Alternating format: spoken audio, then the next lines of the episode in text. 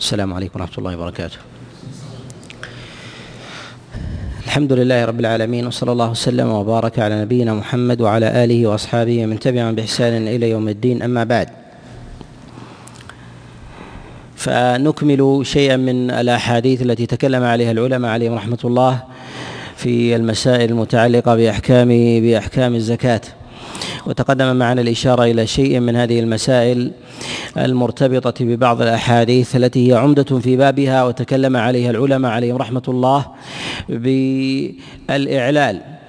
ومن هذه الأحاديث وحديث انس بن مالك عليه رضوان الله تعالى ان رسول الله صلى الله عليه وسلم قال المعتدي في الصدقة كمانعها. تقدم معنا الإشارة في إخراج هذا الحديث ولكنه من وجه آخر من غير حديث انس بن مالك عليه رضوان الله. هذا الحديث أخرجه أبو داود وكذلك الترمذي من حديث يزيد بن أبي حبيب عن سعد بن سنان عن أنس بن مالك عن رسول الله صلى الله عليه وسلم أنه أنه قال المعتدي في الصدقة كمانعها. وتقدم معنا الكلام على مسألة التعدي التعدي في الصدقة وأن المراد بذلك هو وضعها في غير موضعها وذلك كحال كحال المانع. وهذا الحديث حديث ضعيف. هذا الحديث حديث ضعيف فإنه لا يعرف إلا من حديث من حديث يزيد بن أبي حبيب عن سعد بن سنان عن أنس بن مالك عليه رضوان الله تعالى. وهذا الحديث وهذا الحديث في إسناده سعد بن سنان وتارة يقال سنان بن سعد. قد تكلم عليه بعض العلماء كيحيى بن معين والإمام أحمد فإنه يضطرب في حديثه. ولهذا يقول الإمام أحمد رحمه الله إنما لم أكتب حديثه لإضطرابه فيه يعني أنه يروي الحديث على غير وجهه إما من جهة الإسناد وإما من جهة وإما من جهة من جهة المتن. تقدم الإشارة معنا إلى أن هذا الحديث إلى أن هذا الحديث لا يثبت وقد أخرجه البخاري رحمه الله في كتابه التاريخ من غير من غير هذا الوجه. والحديث الثاني في هذا الباب وحديث علي بن أبي طالب عليه رضوان الله أن رسول الله صلى الله عليه وسلم تعجل زكاة العباس عليه رضوان الله لعامين. هذا الحديث حديث مشهور وقد جاء من طرق متعددة عن النبي عليه الصلاة والسلام وفيها كلام كثير سواء في هذه المسألة أو كذلك أيضا في هذا في هذا الحديث.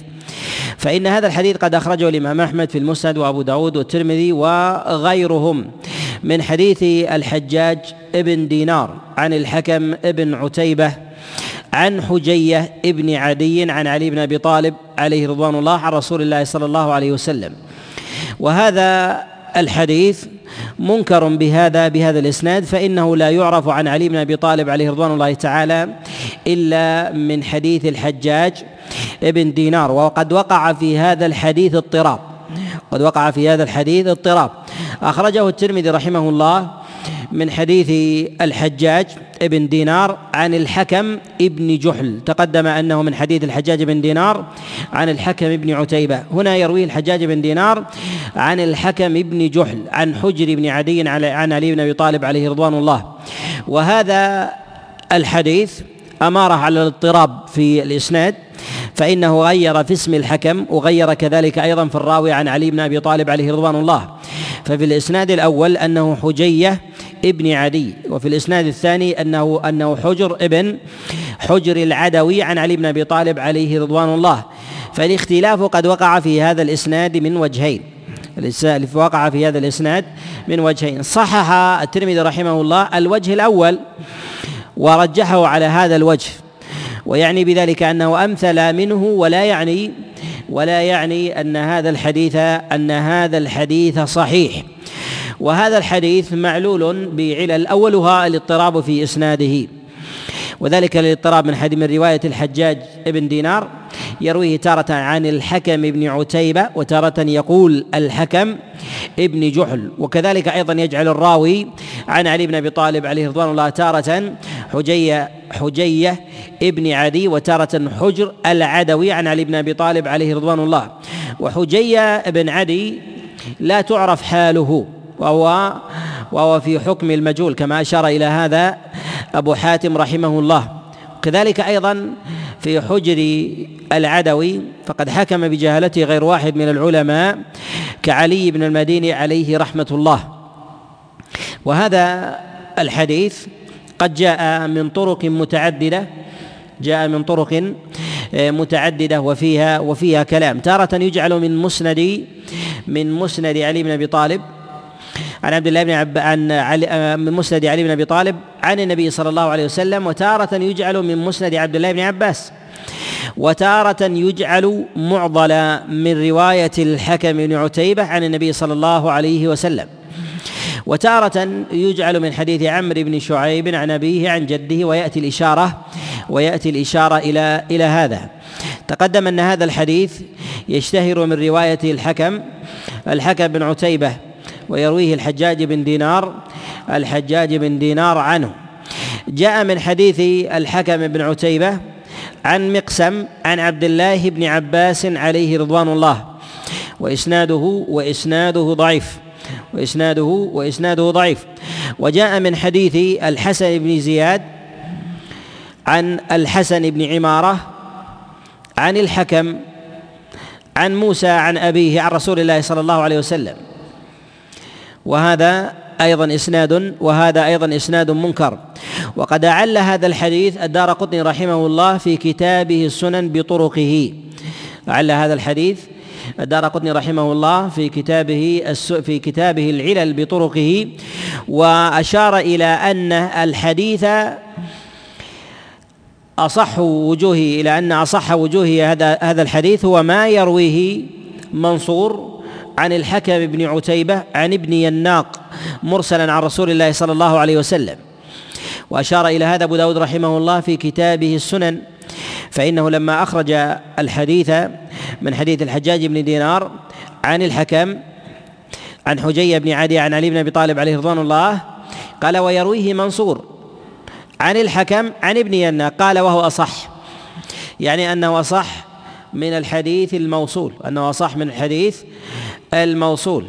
وهذا هو الأقرب أن الحديث أن الحديث ليس ليس متصل الإسناد إلى رسول الله صلى الله عليه وسلم. الإمام أحمد رحمه الله يعل هذا الحديث وحديث تعجيل زكاة تعجيل زكاة العباس لعامين. وقد نقل الأثرم رحمه الله عن الإمام أحمد أنه سئل عن حديث تعجيل زكاة العباس لعامين قال فضعفه. مع أن الإمام أحمد رحمه الله يقول بتعجيل الزكاة. يقول بتعجيل بتعجيل الزكاة. والذي يظهر والله أعلم أن الإمام أحمد رحمه الله إنما قال بتعجيل الزكاة مع تضعيفه لهذا الحديث لأن تعجيل الزكاة عليه العمل. ولا مخالف في ذلك من أصحاب النبي صلى الله عليه وسلم ولا كذلك من التابعين ويستثنى من هذا ما جاء عن ابن سيرين ويأتي ويأتي الكلام عليه ويأتي الكلام عليه. ومعلوم أن محمد بن سيرين هو من فقهاء التابعين وهو من البصريين لا من الحجازيين. الإمام أحمد رحمه الله يميل إلى ما يتعلق بمسائل الزكاة وأحكامها إلى قول أهل الحجاز ولا يخرج عنه. ولا يخرج عنهم ولا يعرف خلاف عند الصحابة ولا عند التابعين في هذه المسألة في مسألة تعجيل الزكاة. وإنما الخلاف في ذلك جاء عند الآفاقيين وعنهم أخذ واشتهر وعنهم أخذ واشتهر. ومع عدم صحه الحديث المرفوع إلى رسول الله صلى الله عليه وسلم إلا أنه قال من فقهاء المدينة بجواز تعجيل الزكاة بن شهاب الزهري ولا يعلم من يخالفه ممن سبقه أو من طبقته بعدم تعجيل الزكاة من المدنيين. وكذلك أيضا قد صح عن عطاء بن أبي رباح فيما رواه ابن جريج عن عطاء بن أبي رباح في تعجيل الزكاة ولا يعلم من خالفه من من المكيين. وقال بهذا أيضا جماعة من الفقهاء من العراقيين. جاء ذلك عن إبراهيم النخعي وهو من أئمة الكوفيين ولا يعرف من خالفه من ممن كان قبله ولا كذلك من أقرانه. وكذلك أيضا قال به الحسن البصري وقد جاء عنه ذلك أيضا بإسناد بإسناد صحيح بجواز تعجيل الزكاة وهو من أئمة من أئمة البصريين. ولا يعلم من خالفه من ذلك إلا ما جاء عن ابن سيرين عليه رحمة الله فإنه كره تعجيل الزكاة فإنه كره تعجيل الزكاة. ونسب ابن حزم رحمه الله في كتابه المحلى عن الليث أنه أنه يرى عدم تعجيل الزكاة. وصح عن سعيد بن جبير وصح عن سعيد بن جبير وهو من أئمة العراقيين ممن سكنها وانتشر فقهه فيها بتعجيل الزكاة وعدم المنع منها. وبهذا نعلم أنه لم يثبت عن أحد من أصحاب رسول الله صلى الله عليه وسلم القول بعدم بعدم بعدم تعجيل تعجيل الزكاة أو كراهة ذلك أو كراهة ذلك. وهذه المسألة وما جاء فيها من فروع عند العلماء عليهم رحمة الله في مسألة تعجيل الزكاة فإنما الخلاف عندهم في القدر الذي تعجل فيه الزكاة. هل تعجل لعام وعامين أو ثلاثة أو أربعة؟ وما هو الحد الفيصل في هذا؟ وما هو الحد الفيصل؟ الفيصل في هذا. وأول من قال بعدم تعجيل الزكاة فيما أعلم من السلف هو محمد بن سيرين. فهو محمد بن سيرين. ولم يسبق إلى هذا القول ولم يسبق إلى هذا القول واشتهر بعد ذلك القول بعدم عدم جواز تعجيل الزكاة عند بعض الفقهاء وجماهير الفقهاء على جواز التعجيل. ومنهم من يستدل بما جاء في الصحيحين من حديث أبي الزناد عن الاعرج عن أبي هريرة أن رسول الله صلى الله عليه وسلم بعث عمر بن الخطاب في الصدقة. فمنعها ابن جميل وخالد بن الوليد والعباس. فقال النبي صلى الله عليه وسلم وما يمنع ابن جميل وقد أغناه الله بعد إذ كان فقيرا. وأما خالد بن الوليد فقد حبس أدراعه في سبيل الله وأما العباس فهي علي ومثلها معها. يقول بعض العلماء إن في قول النبي صلى الله عليه وسلم للعباس لما منعها عمر بن الخطاب أن يعطيها إياه وقول النبي قال هي علي فهي علي ومثلها معها. قالوا إشارة إلى أنه قدمها. إشارة إلى أنه إلى أنه قدمها. إلا أن النص الذي في الصحيحين ليس بصريح. إلا أن النص الذي في الصحيحين ليس ليس بصريح.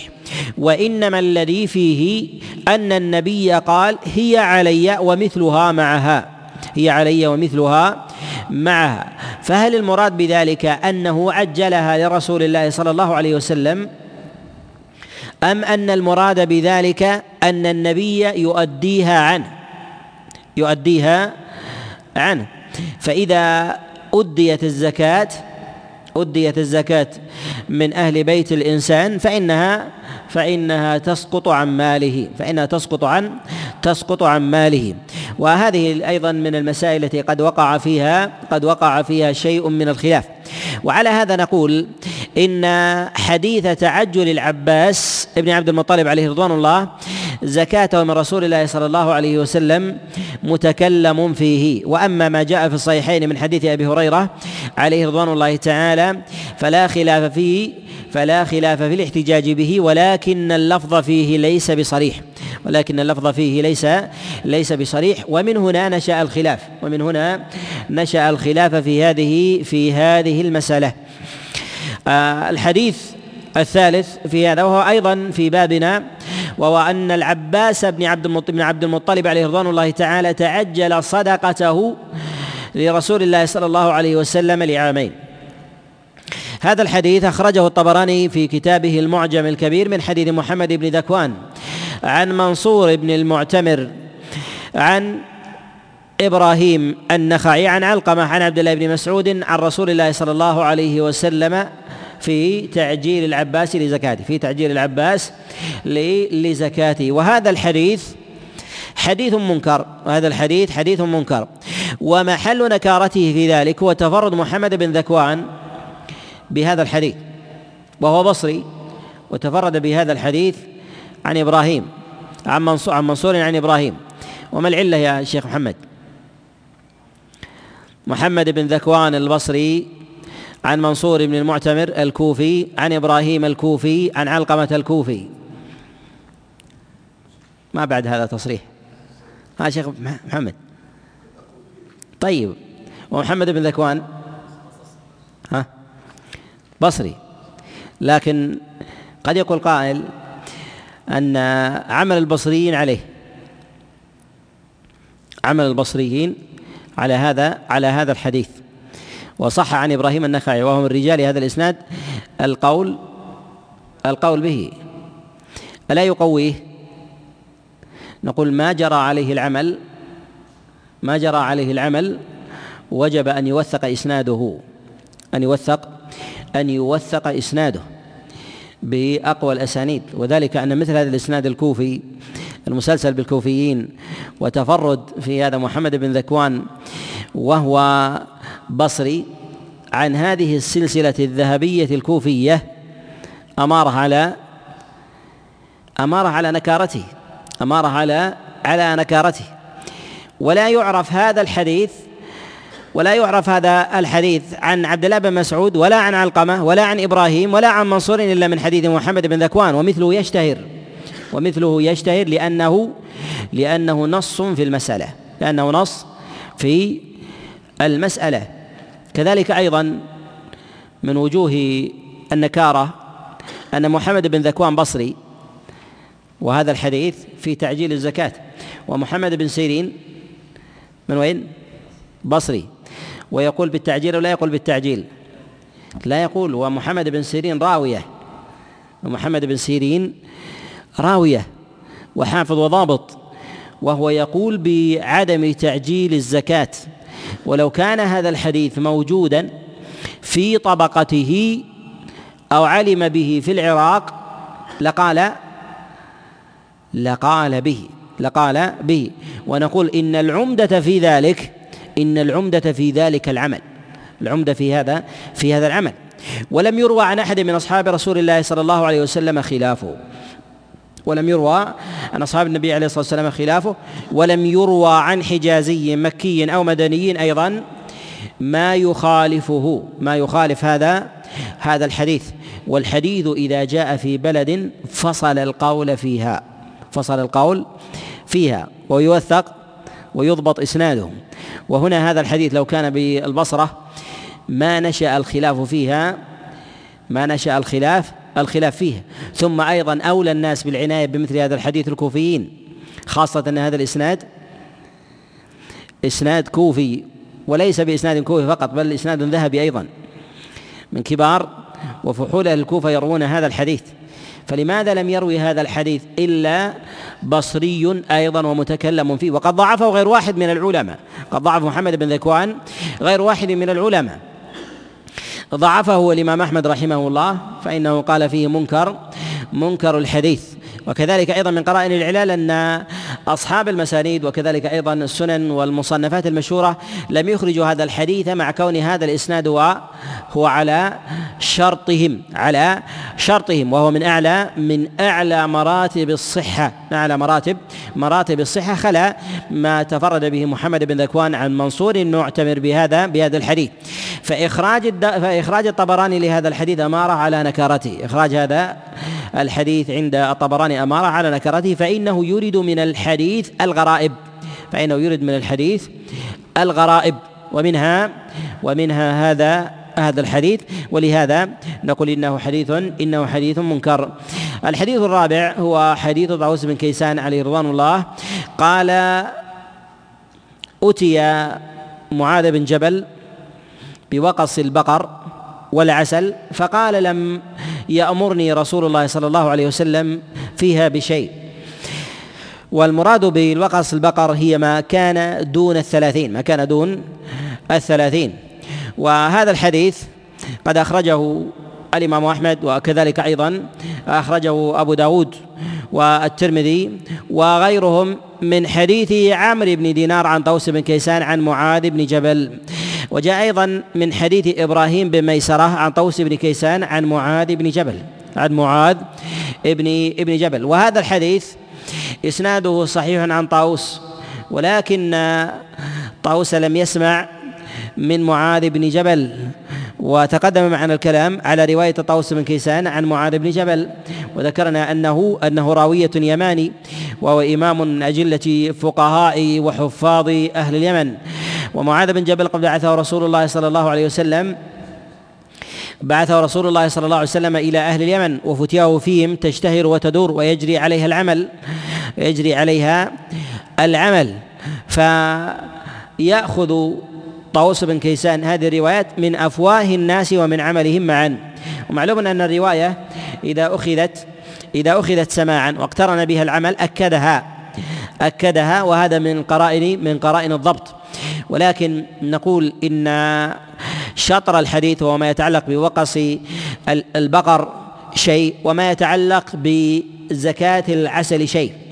وما يتعلق بزكاة العسل شيء. وهنا في قوله قال لم أمر بها لم لم يأمرني رسول الله صلى الله عليه وسلم من ذلك من ذلك بشيء. يعني لم يقدر ولم يضرب ولم يأمرني بأن آخذ شيئا من زكاة من زكاة العسل من زكاة العسل. وزكاة العسل فيها فيها كلام عند العلماء ويأتي الإشارة إليه بإذن الله تعالى. وكذلك أيضا ما جاء ما جاء عن السلف الصالح عليهم رحمة الله تعالى في هذا. فنقول إن ما يتعلق بمسألة بمسألة زكاة بما يتعلق بمسألة زكاة العسل. هذا الحديث جريا على القاعدة. نقول نقول بتحسينه. نقول به بتحسينه. لعلم طاووس بأحاديث معاذ. كما أشار إلى هذا جماعة من العلماء. منهم بالنص كالشافعي رحمه الله في قوله إنه عالم بأمر معاذ ومنهم من يخرج لروايته ويحتج بها كالشا كالبخاري رحمه الله في كتابه في كتابه الصحيح. وكذلك أيضا فإنه لا يكاد يروي معاذ بن جبل لا يكاد يروي طاووس بن كيسان ومسروق بن الاجدع عن معاذ بن جبل حديثا. ويثبت عن معاذ خلافه.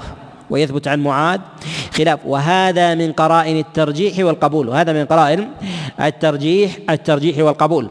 وأما ما يتعلق بمسألة زكاة العسل ما يتعلق بمسألة زكاة العسل.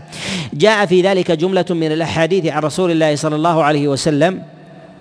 جمهورها في أن في العسل زكاة. جمهورها أن في العسل زكاة. وهنا فيه أن النبي صلى الله عليه وسلم لم يأمره بشيء بشيء من ذلك.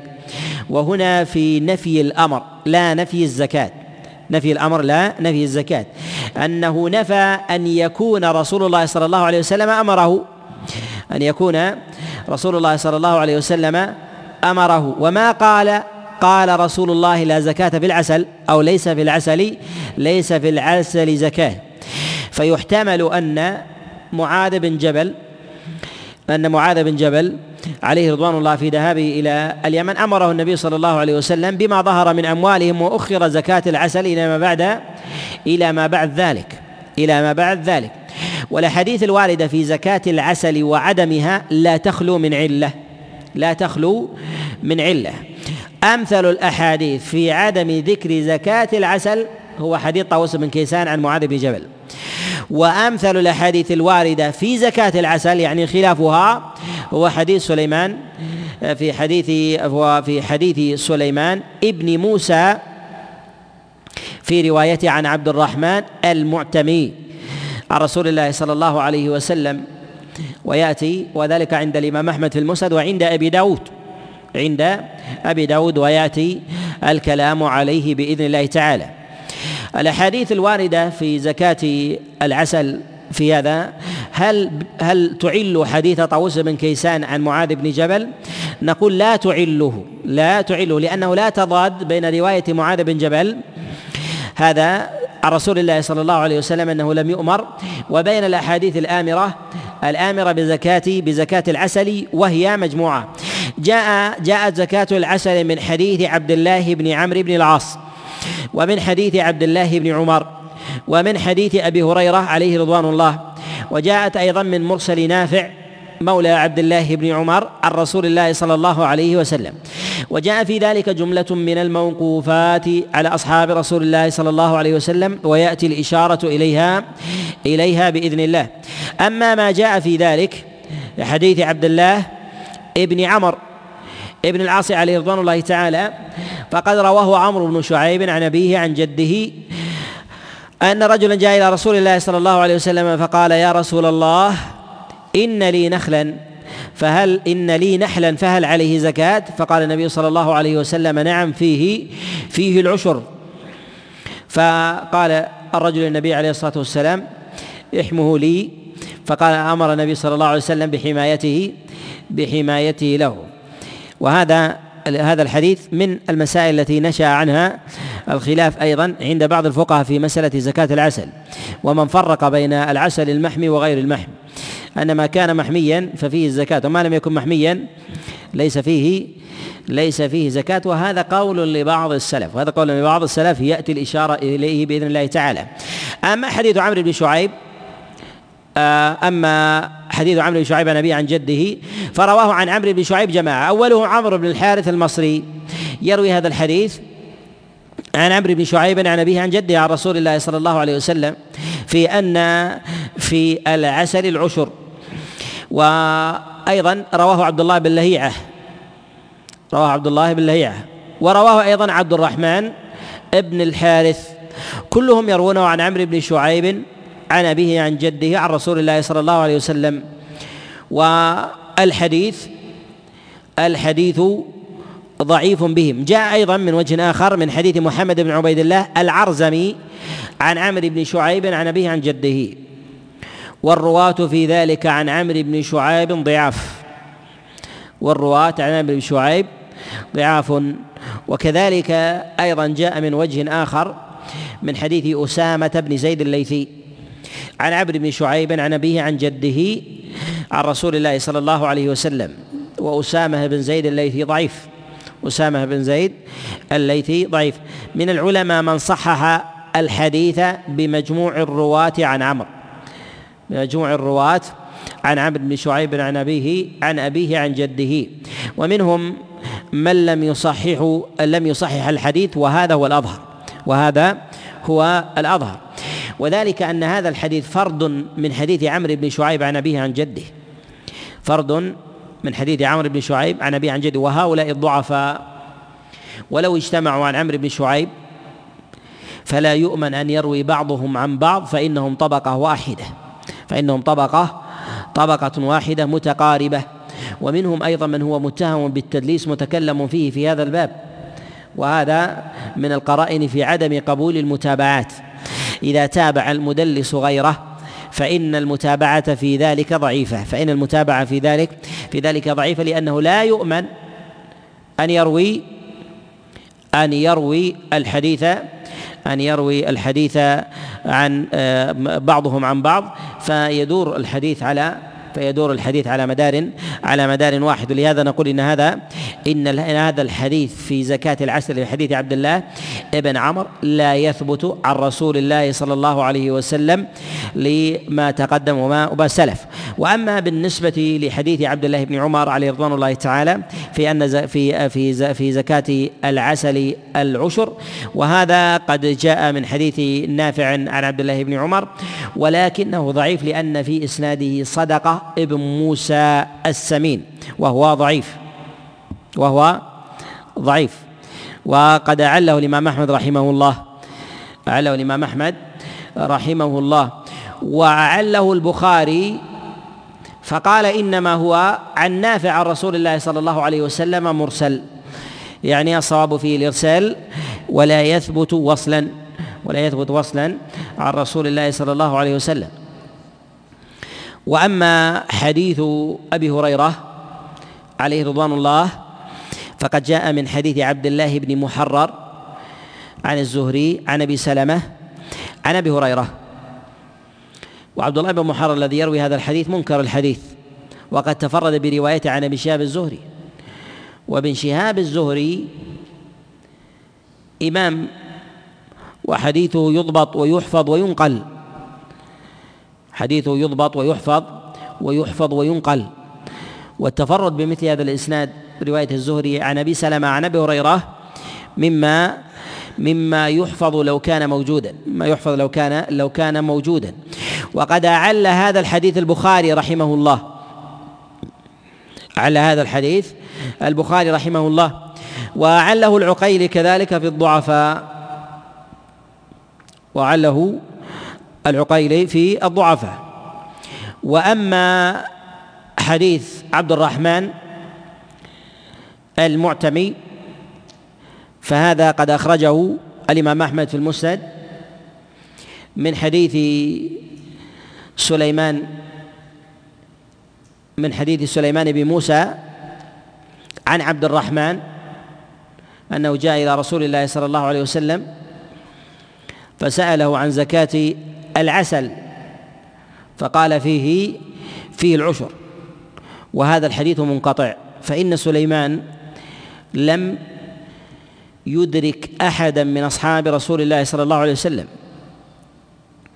قاله البخاري رحمه الله. قاله البخاري البخاري رحمه الله. يقول البخاري لا يصح في زكاة العسل شيء عن رسول الله صلى الله عليه وسلم. وقال ذلك أيضا ابن المنذر رحمه الله قال لا يثبت في زكاة العسل شيء وليس فيه إجماع. ولا زكاة فيه ولا زكاة ولا زكاة فيه. وقال كذلك أيضا العقيلي رحمه الله في الضعفاء لما تكلم على رواية عبد الله ابن محرر عن ابن شهاب عن أبي سلمة عن أبي هريرة قال ولا يصح في ذلك شيء عن رسول الله صلى الله عليه وسلم وإنما هو عن عمر من قوله. وإنما هو عن عمر عن عمر من قوله. وهذا الحديث وهو حديث عبد الرحمن يقول البيهقي رحمه الله هو أصح شيء في زكاة العسل. أصح شيء في زكاة العسل. يعني لا يثبت فيها شيء وأنه أمثل شيء جاء جاء في هذا الباب. أمثل شيء جاء في هذا الباب مع عدم صحة شيء فيه. عدم صحة شيء شيء فيه. ويذهب جماعة من العلماء من أهل الأثر إلى إلى وجوب إخراج زكاة العسل. إلى وجوب إخراج زكاة زكاة العسل. وهذا الذي أرى عليه عامة السلف. أرى عليه عامة عامة السلف على اختلاف عندهم في وصف إخراج الزكاة ومقدارها وحال النحل الذي يجب فيه الزكاة. وقد روي عن عمر بن الخطاب عليه رضوان الله تعالى في ذلك روايات ثلاث الأولى أنه قال في العسل العشر وأطلق. الثانية أنه قال في العسل إذا كان محميا فيه العشر إذا كان محميا فيه العشر وإذا كان غير محمي فليس فيه شيء. الرواية الثالثة قال إذا كان في الجبل ففيه ففيه نصف العشر وإذا كان في السهل ففيه ففيه العشر السبب في ذلك المشقة. السبب في هذا المشقة. وأصح شيء جاء في هذا الباب في الموقوف هو ما جاء عن عمر بن الخطاب عليه رضوان الله. وأما المرفوعات فكلها ضعيفة وما جاء عن عمر بن الخطاب صحيح. في زكاة في زكاة العسل. ولا أعلم أحدا من التابعين خالف عمر بن الخطاب عليه رضوان الله في زكاة العسل في زكاة العسل وإنما الخلاف عندهم في بعض في بعض الصور وذلك في في اختلاف الوجوه المروية عن عمر بن الخطاب عليه رضوان الله. وهل ما جاء عن عمر يعل ما جاء في رواية طاووس بن كيسان عن معاذ بن جبل؟ نقول إن النبي صلى الله عليه وسلم إنما بعث معاذ بن جبل إلى اليمن مبكرا وبعض وجوه الزكاة وأصنافها لم يكن أمر بها النبي صلى الله عليه وسلم. فربما جاءت على النبي عليه الصلاة والسلام بعد ذلك وربما أراد النبي صلى الله عليه وسلم لحكمة ألا يكثر على ألا يكثر على الناس في أموالهم تاليفا لقلوبهم لأنهم حدثاء عهد بكبر. وذلك أن النبي صلى الله عليه وسلم إنما بعث معاذ بن جبل إلى أهل اليمن ولم يكونوا مسلمين قبل ذلك. كما جاء في الصحيحين من حديث عبد الله بن عباس أن النبي صلى الله عليه وسلم بعث معاذا إلى اليمن فقال إنك تأتي قوما أهل كتاب فليكن أول ما تدعوهم إليه شهادة لا إله إلا الله وأن محمد رسول الله فإذا هم أجابوك لذلك فأعلموا أن الله افترض عليهم خمس صلوات في اليوم والليلة الحديث وهذا فيه إشارة إلى أنهم لم يكونوا على الإسلام قبل ذلك وإنما تدرج فيهم تدرج فيهم رسول الله صلى الله عليه وسلم وكما تدرج فيهم في أصل الشرائع كذلك أيضا تدرج فيهم تدرج فيهم من جهة من جهة وصفها والأحكام المتعلقة بها والأحكام المتعلقة بها. ولهذا نقول إنما جاء عن طاووس بن كيسان عن معاذ بن جبل حسن. ما جاء حديث طاووس بن كيسان عن معاذ بن جبل حسن. وذلك أنه يجري على القاعدة. ولا ولم يتفرد طاووس عن معاذ بن جبل في شيء منكر في هذا فإنه نفى العلم أو الأمر أن رسول الله صلى الله عليه وسلم أمره بشيء بشيء من زكاة من زكاة النحل. وما جاء في بقية الأحاديث فهي ضعاف أيضا لا تردها لا ترد ما جاء في حديث معاذ بن جبل. وما جاء عن عمر بن الخطاب عليه رضوان الله تعالى وهو وهو الصحيح في هذا في هذا الباب. نقول إنما هو متأخر إنما هو متأخر والعمل في ذلك والعمل في ذلك ظاهر في عمل أهل المدينة وكذلك في عمل أهل الحجاز. وليس في نصاب الزكاة قدر ولا كذلك أيضا في عدد النحل أمر وذلك أنها لا تعد ذلك أنها أنها لا لا تعد. وما جاء في هذا في مسائل الفروع وما جاء في هذه المسألة من مسائل فروع الزكاة في زكاة النحل وذلك لشح الأحاديث والآثار الثابتة في هذا الثابتة في هذا. والذي يظهر والله أعلم أن ما يتعلق بمسألة الزكاة بمسألة زكاة النحل أن الأمر فيها على السعة أن الأمر فيها على السعة وعلى التيسير في الناس. والروايات المتعددة في هذا عن عمر إشارة إلى إلى السعة في الفتيا بهذا فالرواية الثلاث في هذا عن عمر بن الخطاب عليه رضوان الله في إمارة على على السعة والتيسير على السعة والتيسير. كذلك أيضا هذا نظير ما تقدم معنا في مسألة زكاة الخضروات. كذلك أيضا الفواكه. تكلمنا على هذا عبد الرحمن. وذكرنا أن من العلماء من يفرق بين ما كان من الخضروات وبين ما كان من الفواكه مما إذا استحال اقتاته الناس وادخروه. مثل العنب يتحول إلى زبيب تحول إلى زبيب. فإنه يأخذ حكم الرطب إذا تحول إلى إلى تمر. على قول على قول بعض بعض السلف والقول في هذا وجيه ولهذا يفرق بين هذا وهذا يفرق بين هذا وهذا بين ما كان بين ما كان من الخضروات وما كان من الفاكهة مما مما يتلف ومما لا مما لا يتلف عادته وأما الذي يحفظ بكلفة فليس فيه فليس فيه زكاة. من الذي يحفظ في البرادات والثلاجات ونحو ذلك؟ فإنه ليس فيه زكاة إلا زكاة إلا زكاة التجارة. وأما ما يتعلق في العسل فهل نقول إنه يؤمر بزكاة العسل الذي يتاجر به؟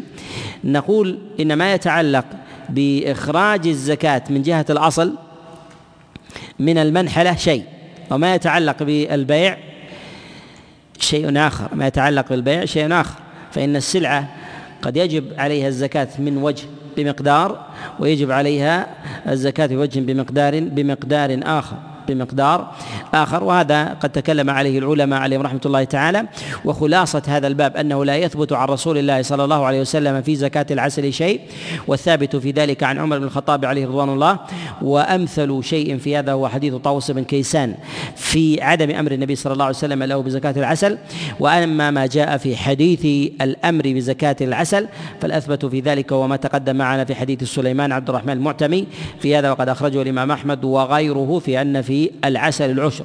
أن في العسل في العسل العشر وهو أمثل ما جاء في الأمر وذاك أمثل ما جاء في النفي وما جاء عن عمر هو هو الصحيح في هذا في هذا الباب والفتية في ذلك أنه بحسب اجتهاد الإنسان وما يطرأ على الإنسان وما يطرأ على على أهلها من مشقة وكلفة وكذلك أيضا مقاديرها وطريقة إخراجها ونحو ذلك وأماكنها والمؤونة التي فيها ولهذا من فقه عمر عليه رضوان الله تعالى أنه فرق بين أنه فرق بين ما كان ما كان في الجبل وما كان في السهل وما كان محميا وما كان غير غير محمي. وهذا رأفة بالناس وكلفة وكلفة عليه. وهذا قياس على زكاة بهيمة الأنعام السائمة وغيرها. والعلة في السوم هي رفع المشقة والكلفة. كذلك أيضا ما كان من الزروع والثمار مما سقي من السماء وما سقي بالمؤونة سبب في ذلك هي الكلفة والمشقة التي تكون على على الناس. كلفة والمشقة التي تكون على الناس. أسأل الله سبحانه وتعالى أن يجعلني وإياكم من أهل التوفيق والسداد والإعانة وأن ينفعنا بما سمعنا وأن يجعله حجة لنا لا علينا. وصلى الله وسلم وبارك على نبينا محمد. نعم.